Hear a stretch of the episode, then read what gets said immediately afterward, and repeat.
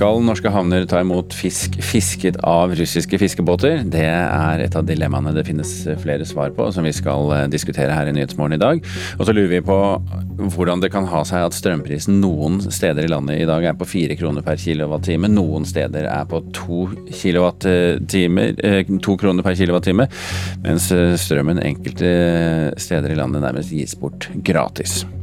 Og Skogbrannsesongen er i gang i USA. Vi får rapport fra vår korrespondent som har tatt turen til nasjonalparken Yosemite, der det allerede brenner kraftig. Apekoppviruset kan ramme hvem som helst, men foreløpig så er det menn som har sex med menn som uh, smittes. Kommer vi til å få samme stigmatisering av homofile nå som vi uh, fikk under aids-pandemien på 80- og 90-tallet? Mange spørsmål, men heldigvis så har du Nyhetsmorgen her til å hjelpe deg med svarene, og Nyhetsmorgen i dag er med Birger Kålsrud Jåsund i eh, studio. Ja, Norge må stenge sine havner for russiske fiskefartøy, og all handel med Russland må stanses. Det mener talsperson og styremedlem i Norsk-ukrainsk venneforening, Jan Ottesen. I motsetning til EU-landene så omfatter ikke det norske havneforbudet russiske fiskebåter.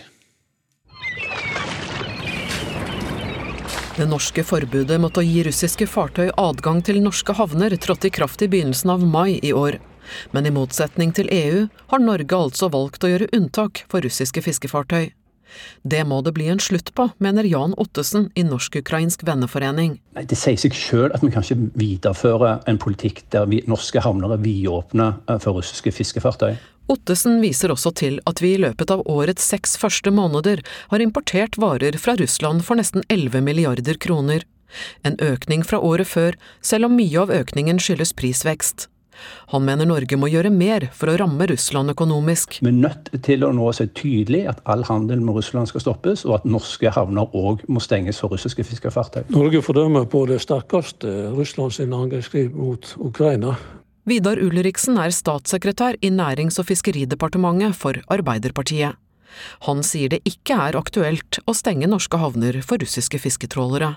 Nei, vi har jo en internasjonal forpliktelse til eh, å forvalte felles fiskebestander. Og det har vi nå hatt et tett og godt samarbeid med Russland og tidligere Sovjet i mer enn 50 år. Og det ønsker vi å fortsette med. Og det er grunnen til at eh, vi tillater russiske fiskefartøy å lande sin fisk i Norge. Han viser også til at det har vært en kraftig nedgang i varehandelen mellom Norge og Russland i andre kvartal i år, og mener derfor at sanksjonene som Norge også har sluttet seg til, vil få større virkning etter hvert. Men hva mer kan eh, norske myndigheter gjøre for at norske bedrifter skal si nei til å handle med russiske selskaper? Nei, Vi har uh, sett at norske bedrifter slutter opp om de sanksjonene som er vedtatt, og det forventer vi at uh, de vil fortsette å gjøre.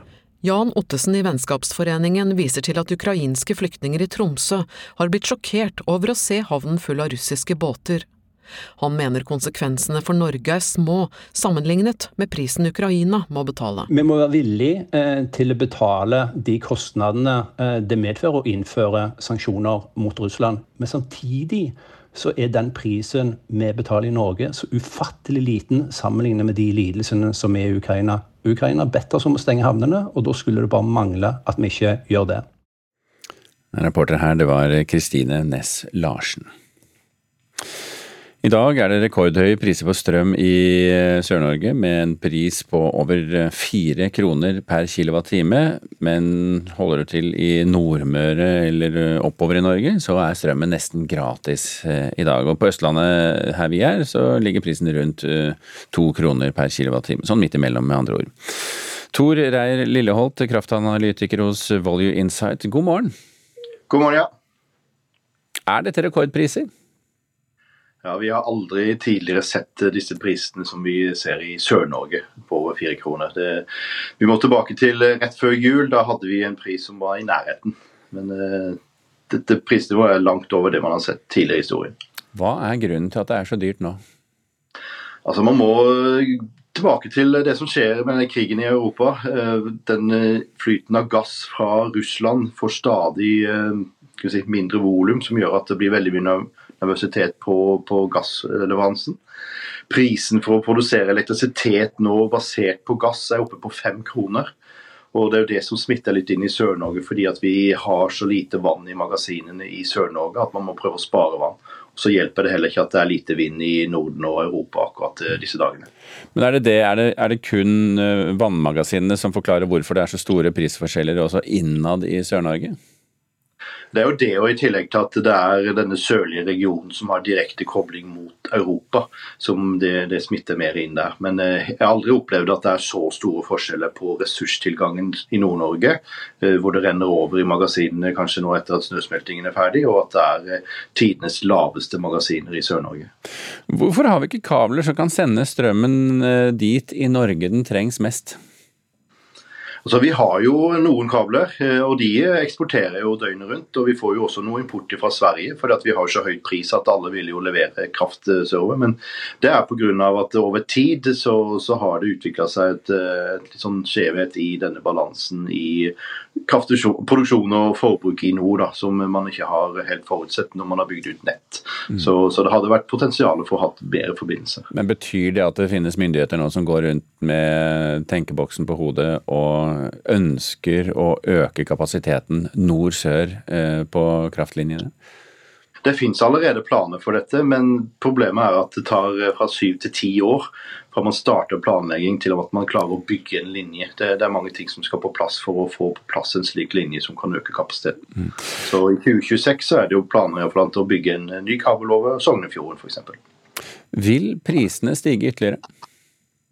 Det er vanskelig å si. Eh, vi har jo en situasjon i Sør-Norge som gjør at hvis vi får en tørr høst, så, så, kan det bli enda mer kritisk. Eh, normalt sett så kommer det jo masse nedbør på høsten som skal hjelpe til å fylle opp magasinene noe. Så, så det er væravhengig.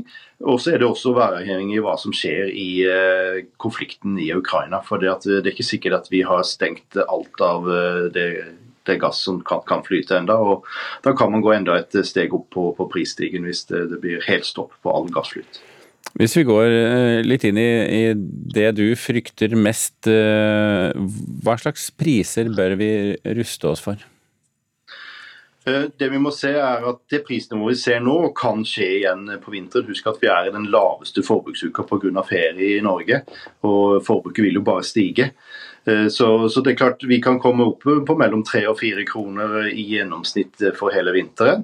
Det er avhengig av at situasjonen ikke endrer seg for mye både på vær og på uh, konflikten i Ukraina. Så, så, det er det man kan forvente. Men husk at uh, statsstøtten blir nå på nesten 90 uh, i, ja, fra oktober og utover. Og, og da vi, har vi nesten en stor fastprisavtale på 90% av volum. Og prisen vi selv som forbrukere vil betale er rundt én krone. mens mm de som ikke har statsstøtte, og de som ikke har sikra seg for langsiktige prisavtaler nå, de, for, for som industrien, de, de, vil virkelig få store prissvingninger og en, en høy uh, kostnad nå fram vinteren. Tor Reier Lilleholt, eh, takk for at du var med oss her i Nyhetsmorgen. I USA har høysesongen for skogbranner startet for eh, fullt, og California er den delstaten det brenner eh, aller mest. Og nå er det knusktørt der, mye pga. en tørke som nå har pågått i mange år. Det knitrer i den tørrlagte skogen vest i California. Den såkalte Oak-brannen har kasta røk hundrevis av kilometer utover USA i nesten ei uke. Det er til nå den største brannen i California i 2022. Over 3000 brannkonstabler har jobba døgnet rundt. Fly har sluppet tonnevis av vann for å stoppe flammene. Mange er redd den skal nå den kjente nasjonalparken Yosemite. Been, you know, en sotet Jared Abbott forteller at det blir mer og mer slitsomt for hvert år. Brannmannen bruker rundt seks uker hver sesong i å rykke ut i branner i delstaten. Jobben er ikke for de engstelige. Tusenvis er evakuert. Minst 40 bygninger er slukt av flammene. 82 år gamle Sally McCalla opplevde branner for fire år siden. Da var det forferdelig. Hun skrek lenge, sa Men den gangen her var hun forberedt. This time I felt en kombinasjon av tørr bakke, varm vind og ingen nedbør gjør forholdene ideelle for slike branner. Og fjellåsene er veldig bratt, nesten utilgjengelig for mannskapet.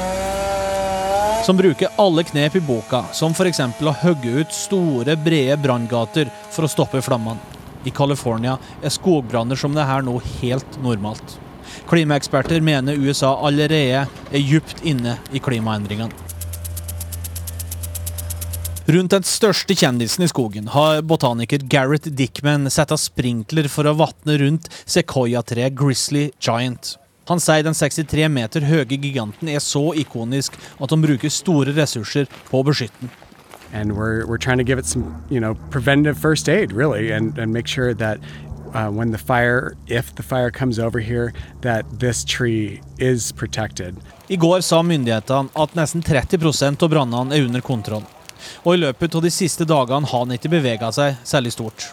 Det er gode nyheter for brannkonstablene, som nå må belage seg på flere store branner utover sommeren. For høysesongen for skogbranner i California har bare begynt. Det var eh, rapport fra vår USA-korrespondent Lars Os, han hadde vært i Yosemite nasjonalpark.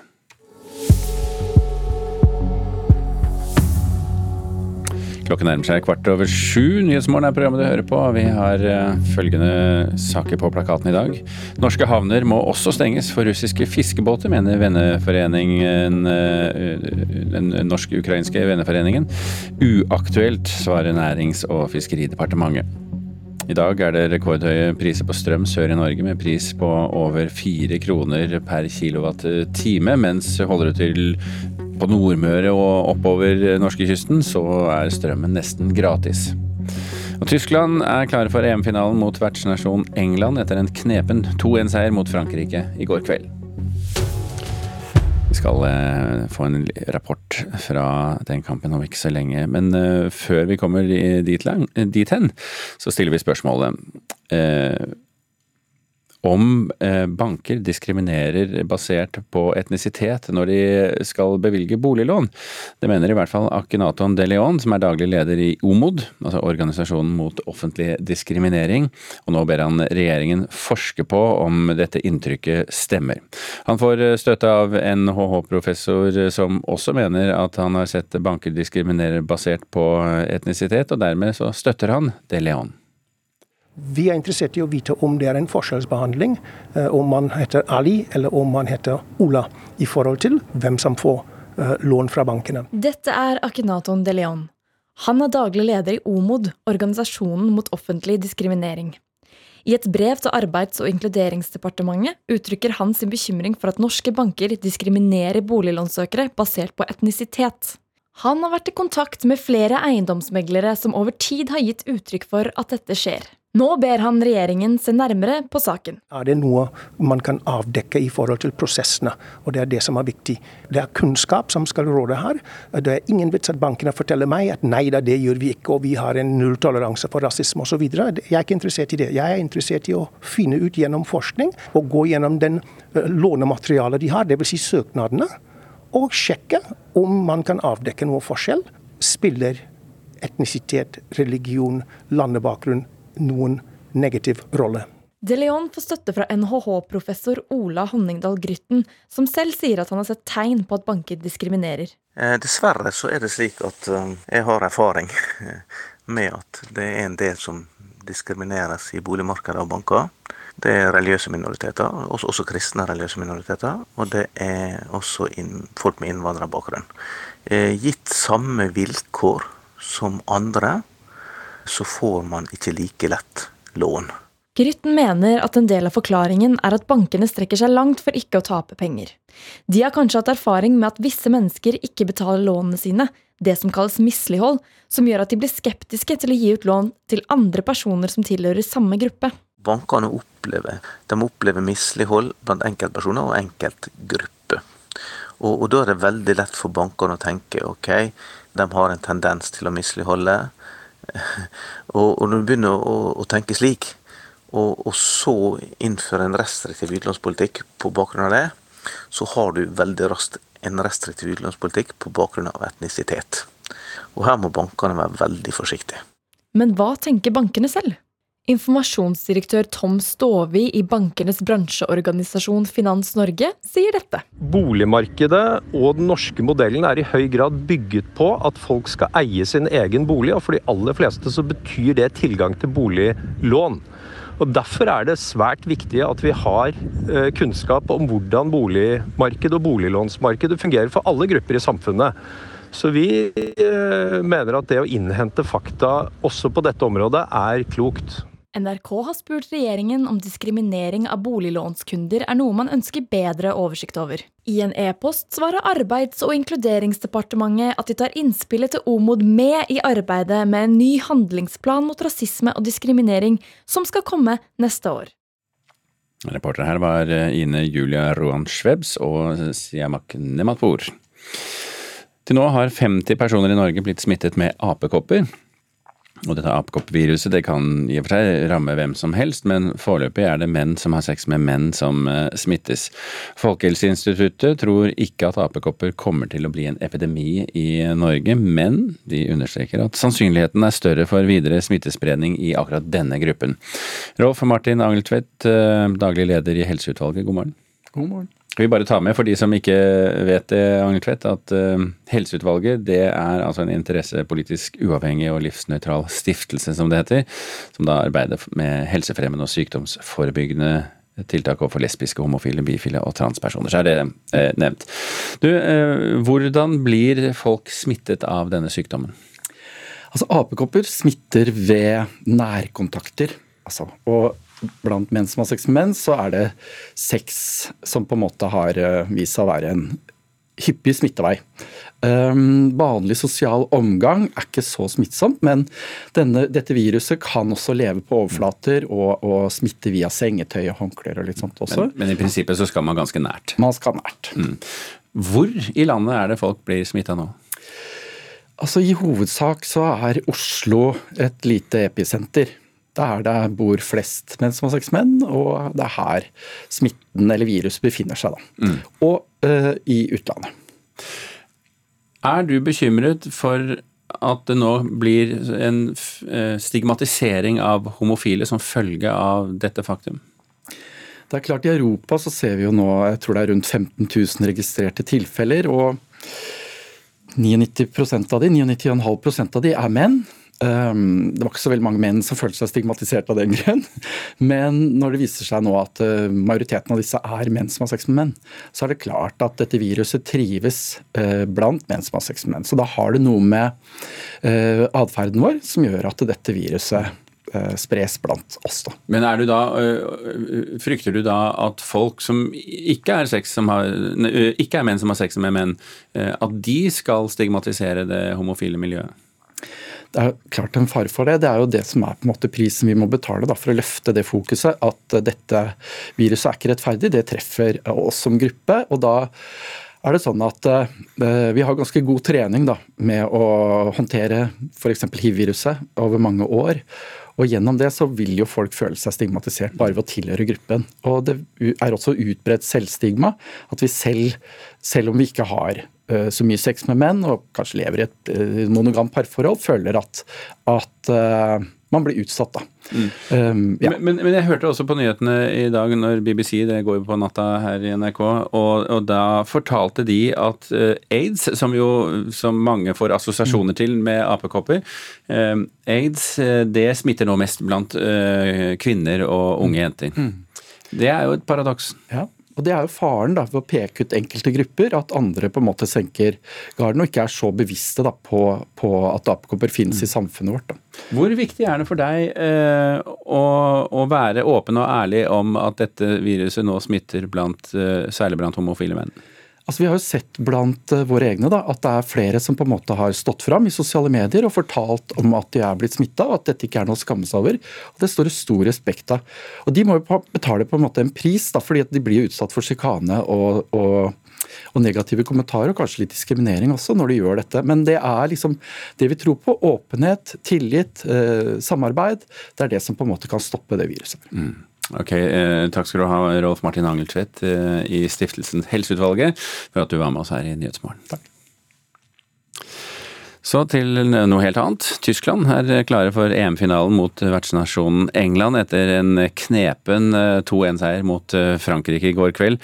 Etter 1-1 til pause var begge lagene avhengig av skåring i den andre omgangen, som det ofte er når man da spiller i sånne utslagskonkurranser. Og da viste den tyske spissstjernen Alexandra Popp nok en gang at hun vet hva hun skal gjøre. Langs høyre side, slår knallhardt innover i 16-meteren. Kommer det en heading i mål! I mål! Popp gjør det igjen! Popp header ballen i mål! Alexandra Popp er et fotballvidunder, gjør sitt sjette mål i turneringen! What Poppy did in the in the front, I I don't have words for her today because she almost didn't lose any ball when we played it long. She kept the ball, she put it on the outside on the wingers. Slik beskriver den tyske midtbanestjernen Lena Oberdorf lagvenninne Alexandra Popp, som fram til finalen hadde skåret i hver eneste kamp. I går skåret hun to nye mål og sendte Tyskland til EM-finalen. Og Oberdorf sliter med å beskrive hvordan det er å være i finalen.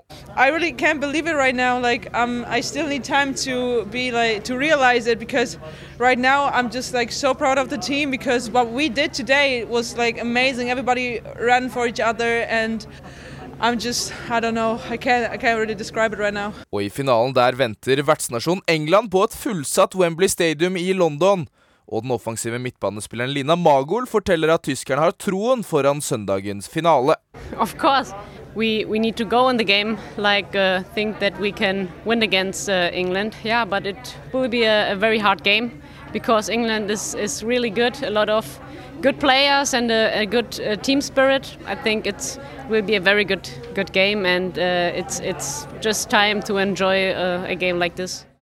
Ja, jeg tror altså det kommer til å bli en knall finale mot eh, England, og har åpenbart stor respekt for eh, England. EM-finalen den sendes på NRK1 og NRK Sport, altså radiokanalen NRK Sport.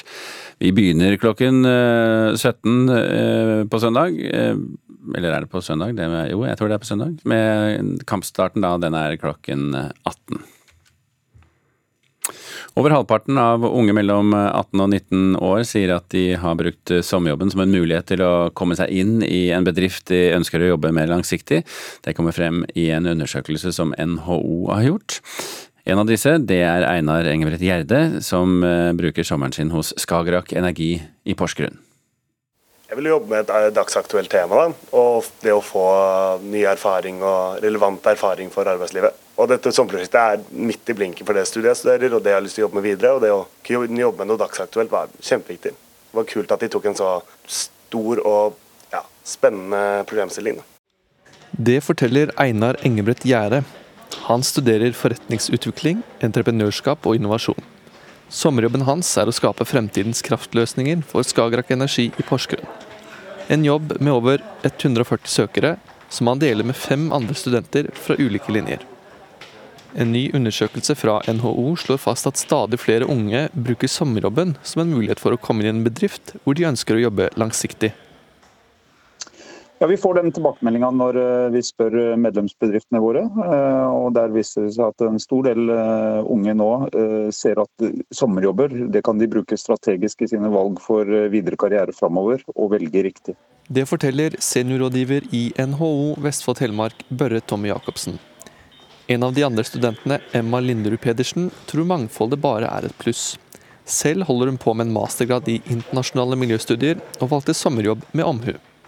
Eh, jeg tror at all type arbeid eh, hjelper jo videre i karrieren, og at man får flere forskjellige kunnskaper og eh, får utnyttet det man kan på forskjellige måter. Men jeg tror det føles enda bedre når man kan bruke kunnskapene man har lært gjennom utdannelsen, og får en mulighet til det. At det blir enda morsommere og spennende, og at man får en helt annen drive i arbeidet som man gjør. Jeg føler meg veldig heldig, da. Eh, men jeg tror også at de har gjort en veldig bra jobb her i selskapet og funnet en gruppe som funker så veldig bra sammen. Og gjort en eh, fantastisk jobb der. Skagerrak har gjennomført sommerjobbprosjektet årlig siden 2019. En av årets utvalgte studenter, Amanda Woie, tror gjengen kan bidra med løsninger på et stadig større energibehov. Vi får hele tida høre, og også her når vi begynte å jobbe, at ja, dere er neste generasjon, det er dere som skal redde verden og finne de nye løsningene. Så eh, da trenger vi jo en, en hva skal man si, hjelpende hånd inn i den rollen. Og, og jeg syns absolutt at både studiene våre og erfaringen her ja, gir verdifull kunnskap og erfaring til å tre inn i den rollen, da. Kenneth Andersen i Skagerrak mener at studentene er nøkkelen til nye ideer. Eh, I utgangspunktet så er jo vi et, eh, i en bransje som kanskje har sett seg fast på enkle løsninger, sånn som man har fra før av, med vannkraftproduksjon og vanlig tradisjonell produksjon av kraft. Med studenter så kan man jo få nye inntrykk og kanskje utfordre måten vi har tradisjonelt eh, tenkt produksjon og distribusjon, og hvordan man ser på fornybar energi i dag. da. Reporter i denne saken, det var Herman Omland.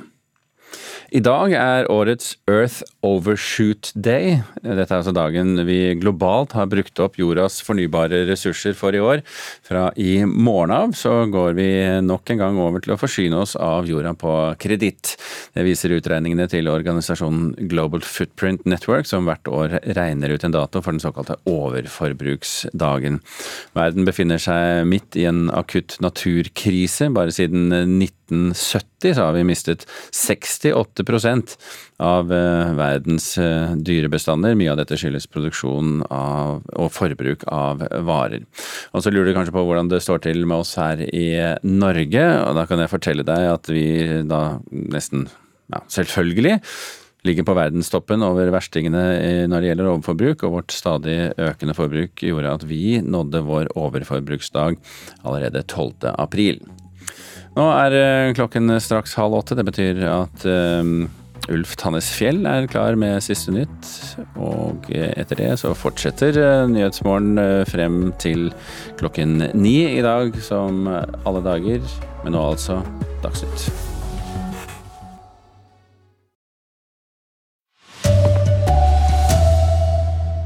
Klagene strømmer på etter SAS-streiken. Vanskelig for kundene å få penger igjen. Stans all handel med Russland og steng havnene for russiske fiskebåter, krever Norsk-ukrainsk venneforening. Og to 13-åringer fra Rena jubler så mye over å få fisk at én million vil se på.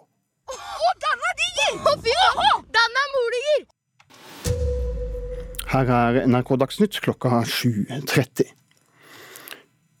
Mange passasjerer opplever at det er vanskelig å få refundert utgiftene de har fått pga. SAS-streiken tidligere i sommer. Forbrukerrådet har fått over 500 klager på SAS i forbindelse med streiken. Håvard Gjerseth og familien fikk ekstrautgifter på 20 000 kroner, og nå sliter de med å komme gjennom både på nett og telefon. Din preliminære ventetid er Minst en time. Kommunikasjonslinjene inn til SAS var jo veldig sprengt. Så eh, du kunne jo legge noe inn på Facebook-sida, og så gikk det kanskje etter noen dager, så kom det kanskje, kanskje et svar. Familien Gjerseth er ikke alene om å ha utfordringer med SAS etter sommerens streik. Forbrukerjurist i Forbrukerrådet Thomas Iversen forteller til NRK at de har fått over 500 klager som angår selskapet. Nå som streiken er over, er det mange som sliter med å få pengene de har krav på. Hvis du har lagt ut for uh, hotell og mat og drikke og nye flybilletter hjem, så skal du i utgangspunktet ha alt uh, dette dekt. Håvard Gjerseth hadde store utgifter i forbindelse med kanselleringer og ombookinger. Ja, med nye flybilletter og uh, hotell, så er det jo minst 20 000 da, og da har vi ikke tenkt på mat i forhold til å bo på hotell og skal leve heller. Så, så ja. Så det er i hvert fall 20, 20 000. Pressesjef Tonje Sund i SAS sier til NRK at alle som har krav på refusjon skal få det, men etter en streik som dette, så vil det bli lengre ventetid enn normalt, noe som selskapet beklager. Thomas Iversen i Forbrukerrådet lover at de skal følge med. Jeg eh, forventer at SAS uh, rydder opp og behandler kravene i tur og orden. Sånn at uh, de som har et gyldig krav mot SAS, til slutt skal få pengene sine.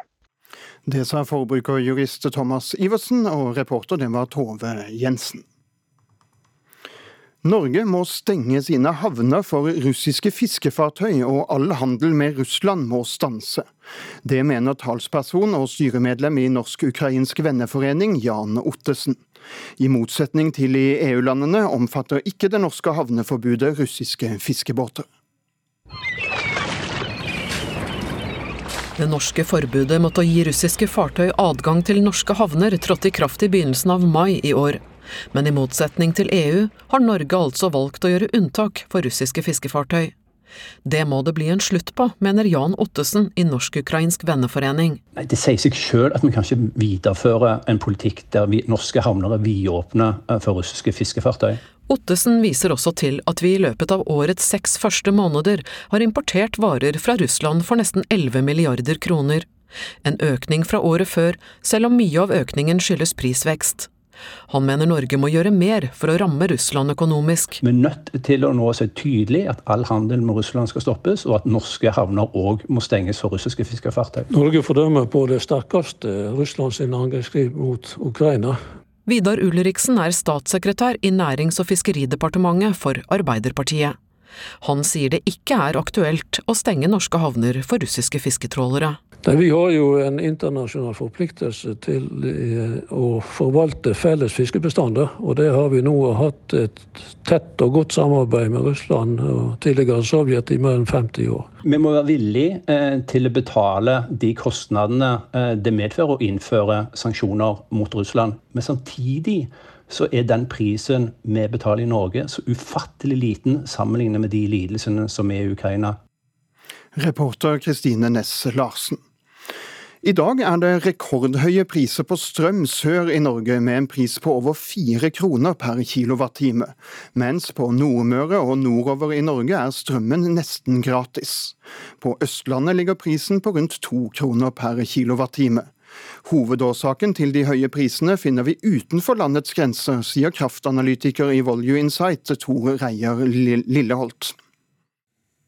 Altså Man må tilbake til det som skjer med krigen i Europa. Eh, den eh, flyten av gass fra Russland får stadig eh, si, mindre volum, som gjør at det blir veldig mye nervøsitet på, på gassleveransen. Prisen for å produsere elektrisitet nå basert på gass er oppe på fem kroner. Og Det er jo det som smitter litt inn i Sør-Norge, fordi at vi har så lite vann i magasinene i Sør-Norge at man må prøve å spare vann. Så hjelper det heller ikke at det er lite vind i Norden og Europa akkurat eh, disse dagene. Men Er det, det, er det, er det kun eh, vannmagasinene som forklarer hvorfor det er så store prisforskjeller også innad i Sør-Norge? Det er jo det, og i tillegg til at det er denne sørlige regionen som har direkte kobling mot Europa, som det, det smitter mer inn der. Men eh, jeg har aldri opplevd at det er så store forskjeller på ressurstilgangen i Nord-Norge, eh, hvor det renner over i magasinene kanskje nå etter at snøsmeltingen er ferdig, og at det er eh, tidenes laveste magasiner i Sør-Norge. Intervjuer her var Birger Kolsrud Jåsund.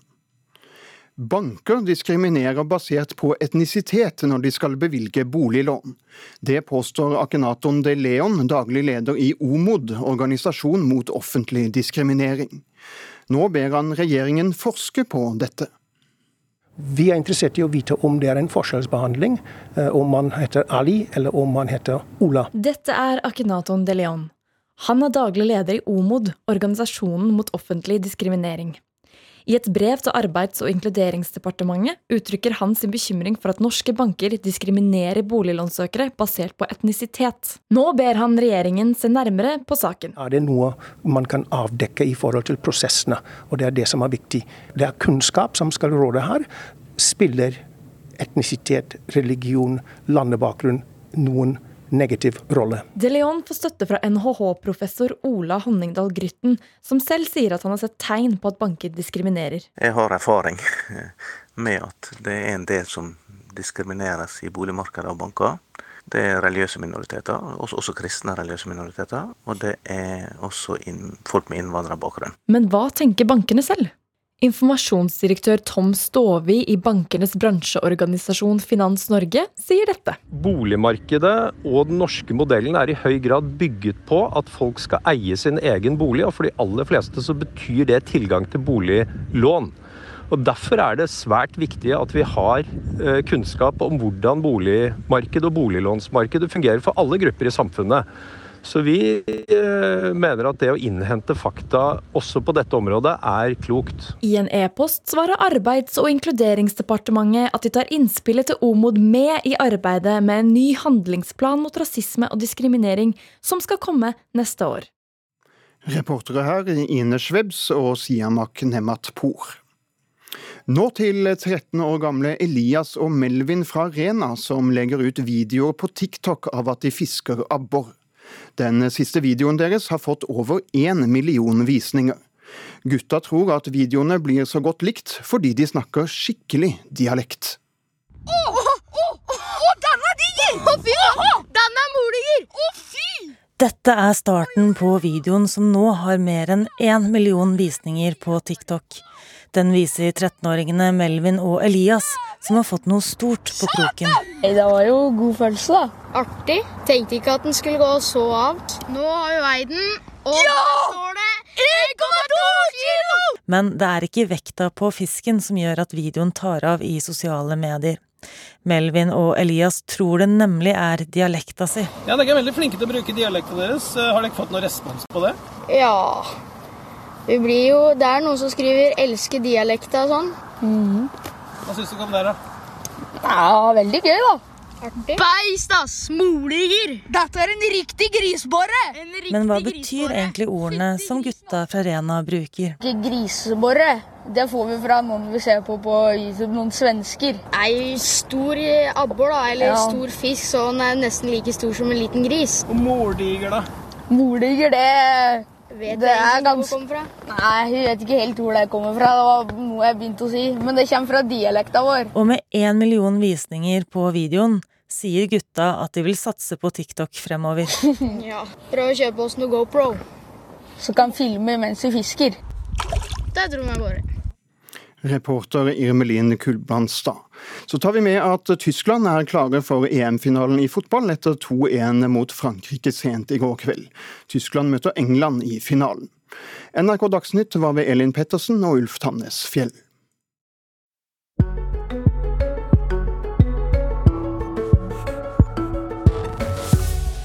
Det er en boom blant små grønnsaksprodusenter på Vestlandet.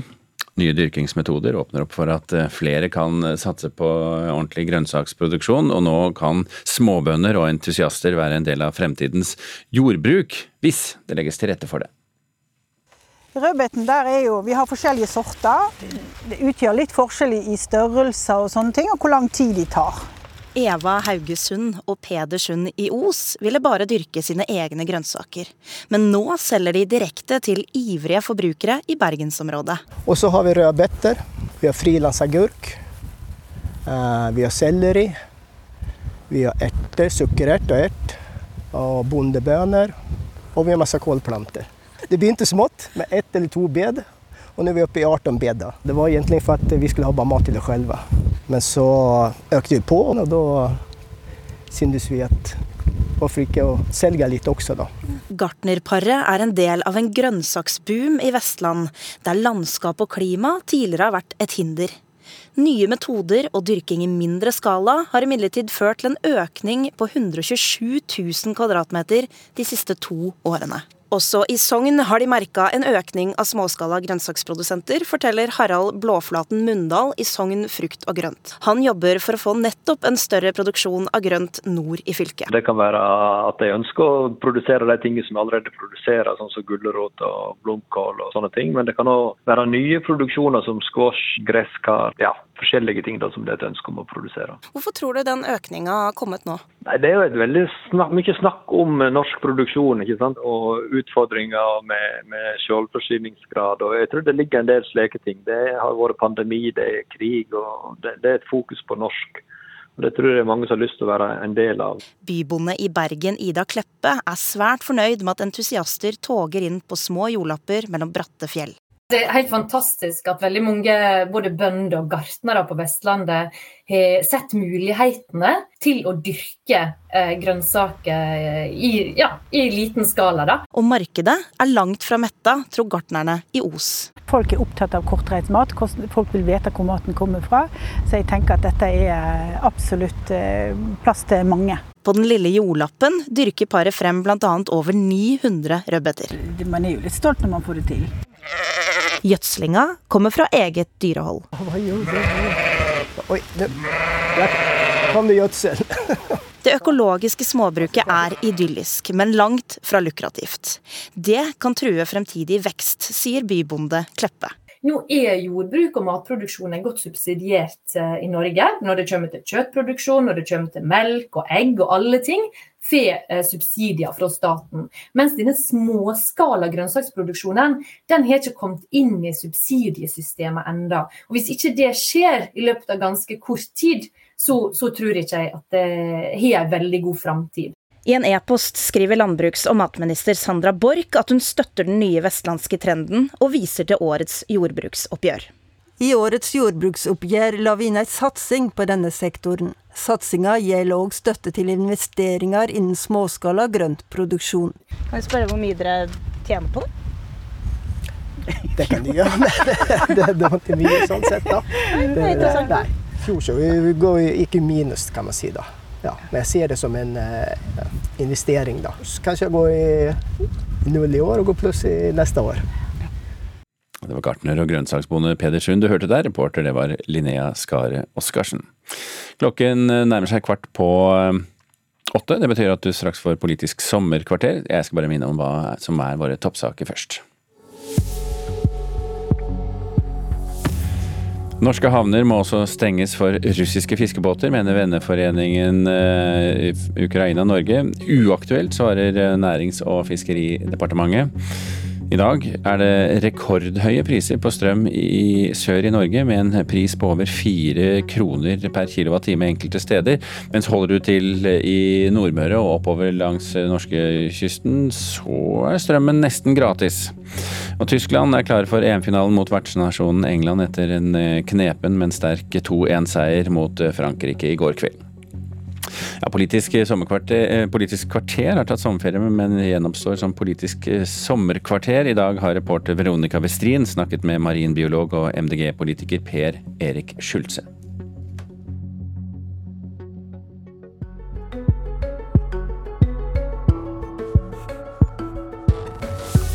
Navn? Per Erik Skjølse heter jeg. Alder? Ja, nå må jeg tenke litt. Nei, jeg er blitt 50 akkurat i år. Hmm. Og stillingen din? Jeg er fagrådgiver i Naturvernforbundet.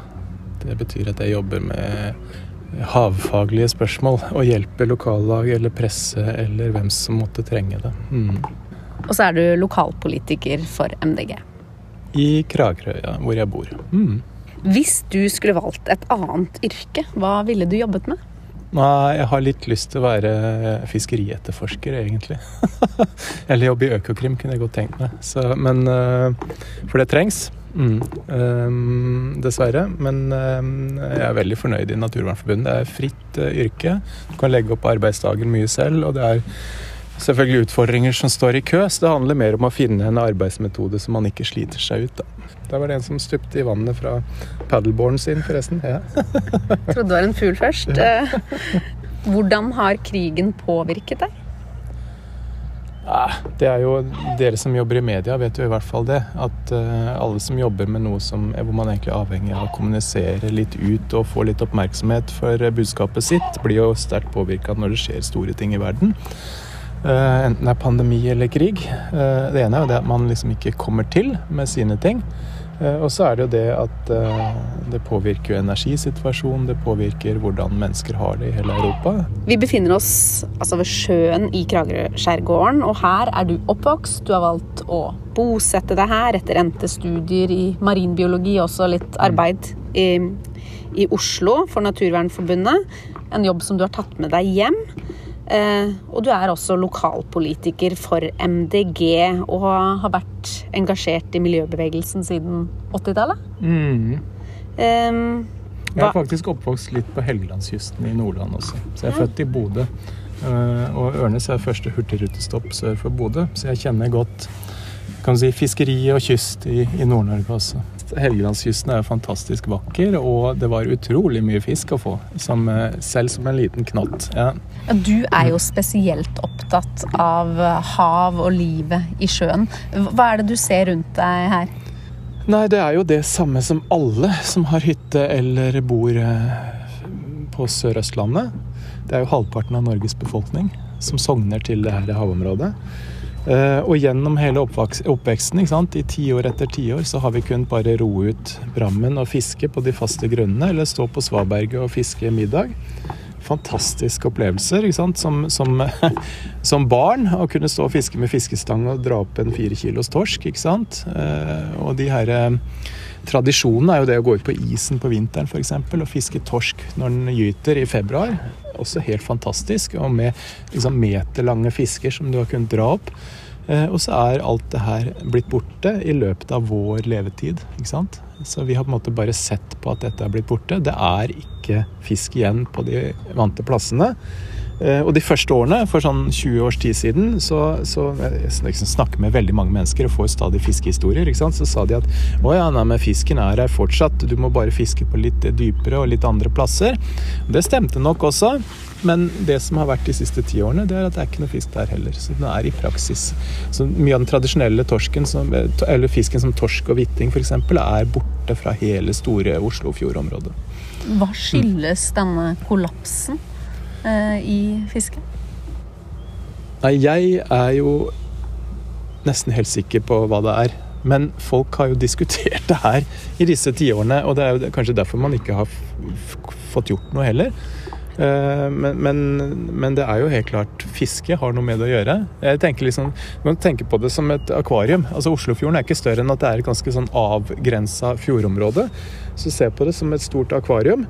Og Der har vi hatt noe fisk, og vi har liksom bygd opp et, et miljø inni der. Eh, så har vi da For det første har vi dratt en håv fram og tilbake, fram og tilbake, fram og tilbake i flere generasjoner og tatt opp det som vi måtte få av kveite og stor, gammel fisk som kanskje bruker 50 år på å vokse opp. Og det er klart at da, da, trenger den 50 år før den kommer tilbake. Vi har rett og slett fiska altfor mye. Eh, og det er lokale stammer i hver fjord, og vi har fiska de opp én etter én eh, stamme.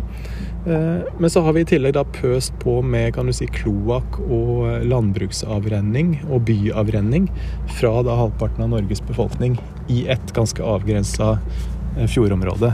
Mm. Og du har jobba mye for marint vern, som du har fått etablert både her i Kragerø, eh, men også ellers i landet er det nå folk som både planlegger og allerede har verna havområder. Og Norge har jo forplikta seg til å være med for å nå dette målet om å verne 30% av havområdene innen 2030.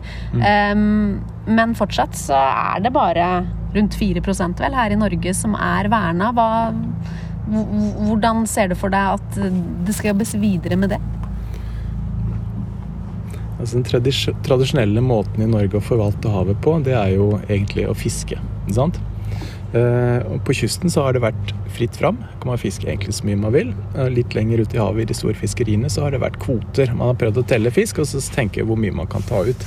Men det som er liksom, den moderne havforvaltninga rundt i verden, eh, det er at vi må bygge inn noe slags eh, buffer i systemet, noe sikkerhet. For hva hvis vi tar feil? Hva hvis vi har telt feil? Eller hva hvis fisken beveger seg en annen plass enn der vi har trodd? Og så plutselig så bommer vi totalt på disse kvoterådene, da. Eh, så vi må ha noen sånne sikkerheter i systemet. Og det er jo egentlig der marint vern kommer inn, da. For da har du alltid en forsikring om at du har noen fiskebestander som kan klare seg bra og det burde vi egentlig ha i hver kommune langs hele kysten. burde vi ha noen sånne verneområder. Men det må jo være ordentlig vern, da. Sant? For da, du, da, må du egentlig være beskytta mot forurensning og mot uh, hardt fiske, f.eks. Uh, og da Så yrkesfiske bør ikke være lov? Nei, ir ikke yrkesfiske, ikke fritidsfiske. Krabbefiske kan kanskje barna drive med og slipper de ut igjen, men du kan ikke Eh, drive og høste veldig aktivt av det som skal være på en måte eh, ressursbanken for fremtidige fiskerier. De må du spare på, de produksjonsdyra.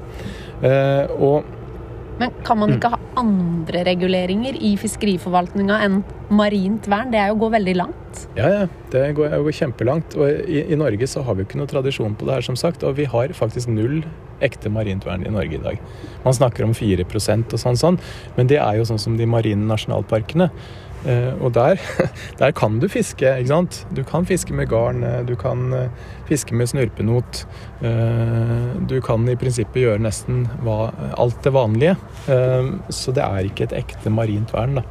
Så, men vi ser i enkelte andre land, og vi ser også med f.eks. disse små hummerfredningsområdene som er prøvd ut nå på norskekysten hvor du sier at du tar bort all sånn stor fiskeredskap, garn, ruse, teine og sånn, og selvfølgelig trål. Du kan ikke drive med det inni de eh, fredningsområdene. Og da ser du en voldsom effekt på antall og størrelse på alt av marine dyr som, som lever inni der. Mm. Du var nylig på en havkonferanse i Washington DC mm. med forskere mm. fra hele verden. Mm. Eh, hva kom dere fram til der? Nei, altså jeg er jo optimist, og det er veldig gøy å se at det fins andre som er det også. Så jeg traff jo uh, havforskere fra f.eks. Portugal og Afrika og, og, Amerika, og som jobber med på en måte øh, nye måter å drive med havforvaltning på. Um, og det handler jo nettopp om hva, hva, slags effekter kan du få ut av det å prøve å gjøre ting på en litt annen måte, da. Um, og av og til så møter, møter man litt sånn eh, motstand fra det som er f.eks. de som har jobba med havforskning i 50 år og gitt råd til fiskerimyndighetene. Eh, og de mener at alle nye ideer er liksom litt sånn farlige og dumme ideer og trengs ikke. Sånn som du, du spurte om hva skal vi med marint vern hvis man kan høste bærekraftig av havet, ikke sant? Ja, nei, det er greit. Men, men, eh, da tenker jeg da må du vise oss et havområde i verden som er perfekt forvalta allerede. Uh, det, så, jeg mener at de fleste kystområdene i, i, verden er nær kollaps, og det har vært overfiska, og det har ikke vært eh, behandla pent. Så vi er helt nødt til å begynne å tenke nytt. Men det er ikke dermed sagt at min idé om at man skal ha mer havvern, er noe som vi skal ha overalt. Men det må være lov å teste. Ikke sant? Man må teste noen år og så se om det virker. Og virker ikke, nei, ok, men, men hvis det virker, så er det jo bare å rulle ut. Mm. Folk her i Kragerø de kjenner deg som en som sykler rundt i byen, og du har ikke bil, mm. og tenker nøye over eget uh, forbruk. Mm. Bør alle leve som deg? Ja, jeg vil jo si at det er ganske, en ganske lettvint måte å tenke over eget forbruk på. Fordi det, det er jo veldig Det er egentlig veldig lett, da. Sykle gjør jeg fordi det er fantastisk greit. Eh, kildesortering og sånn? Nei. Det er, altså, det er, på det vanlige, på det jevne. Eh, og det å avstå fra lange utenlandsreiser i ferien f.eks., det er jo også veldig greit når man bor i, i Norge, på kysten et sted. Så har man det egentlig ganske fint. Så ja, jeg, ikke, jeg, jeg, kan godt si at mange burde prøve å leve som meg, men så veit jeg også Jeg har bodd i Oslo i ti år. Jeg veit at det er innmari fint å bo i by. Eh, så man trenger ikke nødvendigvis å bo, eh, bo, på landet for å ha det bra. Man trenger ikke å bo på byen for å ha det bra, men jeg tror man kan komme unna med altså Spesielt det der å kanskje eh, altså Kragerø er jo sånn sakte fart-by, da. Det står jo, det Programerklæringa står jo på bybrua i sentrum. Sakte fart, står det. så hvis du skal inn her med båt, så skal du ta det litt rolig. Og det tror jeg vi kommer langt med, egentlig. Mm. Men det gjør mm. kanskje ikke alle som oppholder seg i skjærgården her?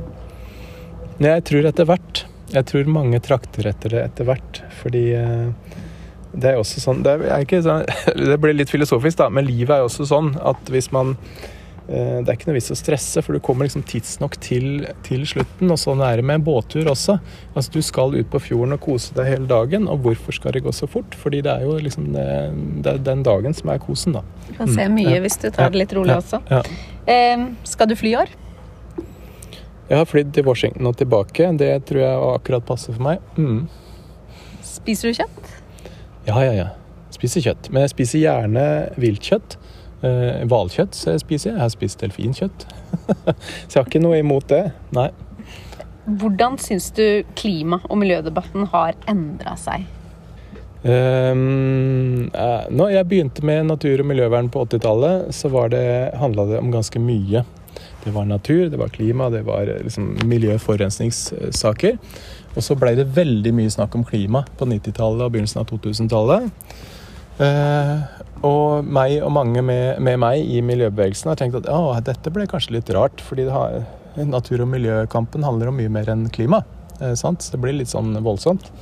Uh, og det ser vi jo egentlig nå, at nå slår det litt tilbake. Nå har vi også, de, Mange begynt å snakke om ja, men det, bare, det handler ikke bare om klima, det handler om naturkrisa. Og vi kan ikke løse klimaproblemene ved å ødelegge natur, f.eks. Så, men da er vi tilbake til det at det handler egentlig litt om hvordan vi innretter oss som samfunn. Og vi kan ikke liksom skille på de ulike miljøproblemene. Vi må prøve å finne ut av det sånn at det løser alt på en gang. Da. Hva er den største utfordringa som du ser som vi står overfor i dag? Det Altså, jeg er litt opptatt av at kli, altså klima- og miljøspørsmål det kan jo deles opp i mange forskjellige tema. ikke sant? Og, og så har du krig og fred og sånn, men det er ikke noe vits å, å, å, sette det opp mot hverandre. fordi For miljøbevegelsen så handler det mye om egentlig å kjempe for solidaritet mellom mennesker, og, og også med naturmiljøet. Eh, og så får man prøve å innrette samfunnet sånn at man eh, klarer å leve sammen med naturen, og at mennesker også kan ha det bra en stund framover. Eh, og jeg tror det er litt sånn gærent hvis man skal tenke at vi må gjøre ting i dag for, fordi det skal være så bra for fremtidige generasjoner. fordi jeg tror ikke vi klarer helt å å motivere oss selv til å, til å, forsake ting i dag for at noen om 100 år skal ha glede av det. Eh, men, men, jeg ser at vi kommer til å få de positive effektene av miljøtiltak mye kjappere. da. Så jeg er veldig opptatt av sånn konkret miljøarbeid i f.eks. bymiljø. ikke sant? Få bort bilene, få inn myke trafikanter. Kjempefint. Du får effekt med en gang. Frisk luft og mye mer liv i byen. Det er nok av steder hvor man kan kjøre bil også. Så det er min filosofi at får, man får kompromisse og dele litt på ting. da. Sant? Det skal ikke være sånn at det er de, det som har vært egentlig dominerende strømningene de siste 100 årene, nødvendigvis eh, er det som er det riktige også framover. Og det mener jeg at der får vi jo signalene både fra, altså fra naturen og miljøet som sier at her nå dette har ikke gått så bra. Og det ser vi jo veldig sterkt nå, vi som bor på Sørlandet, hvor vi ikke har fisk igjen i fjorden. ikke sant? Et eller annet må vi ha gjort gærent.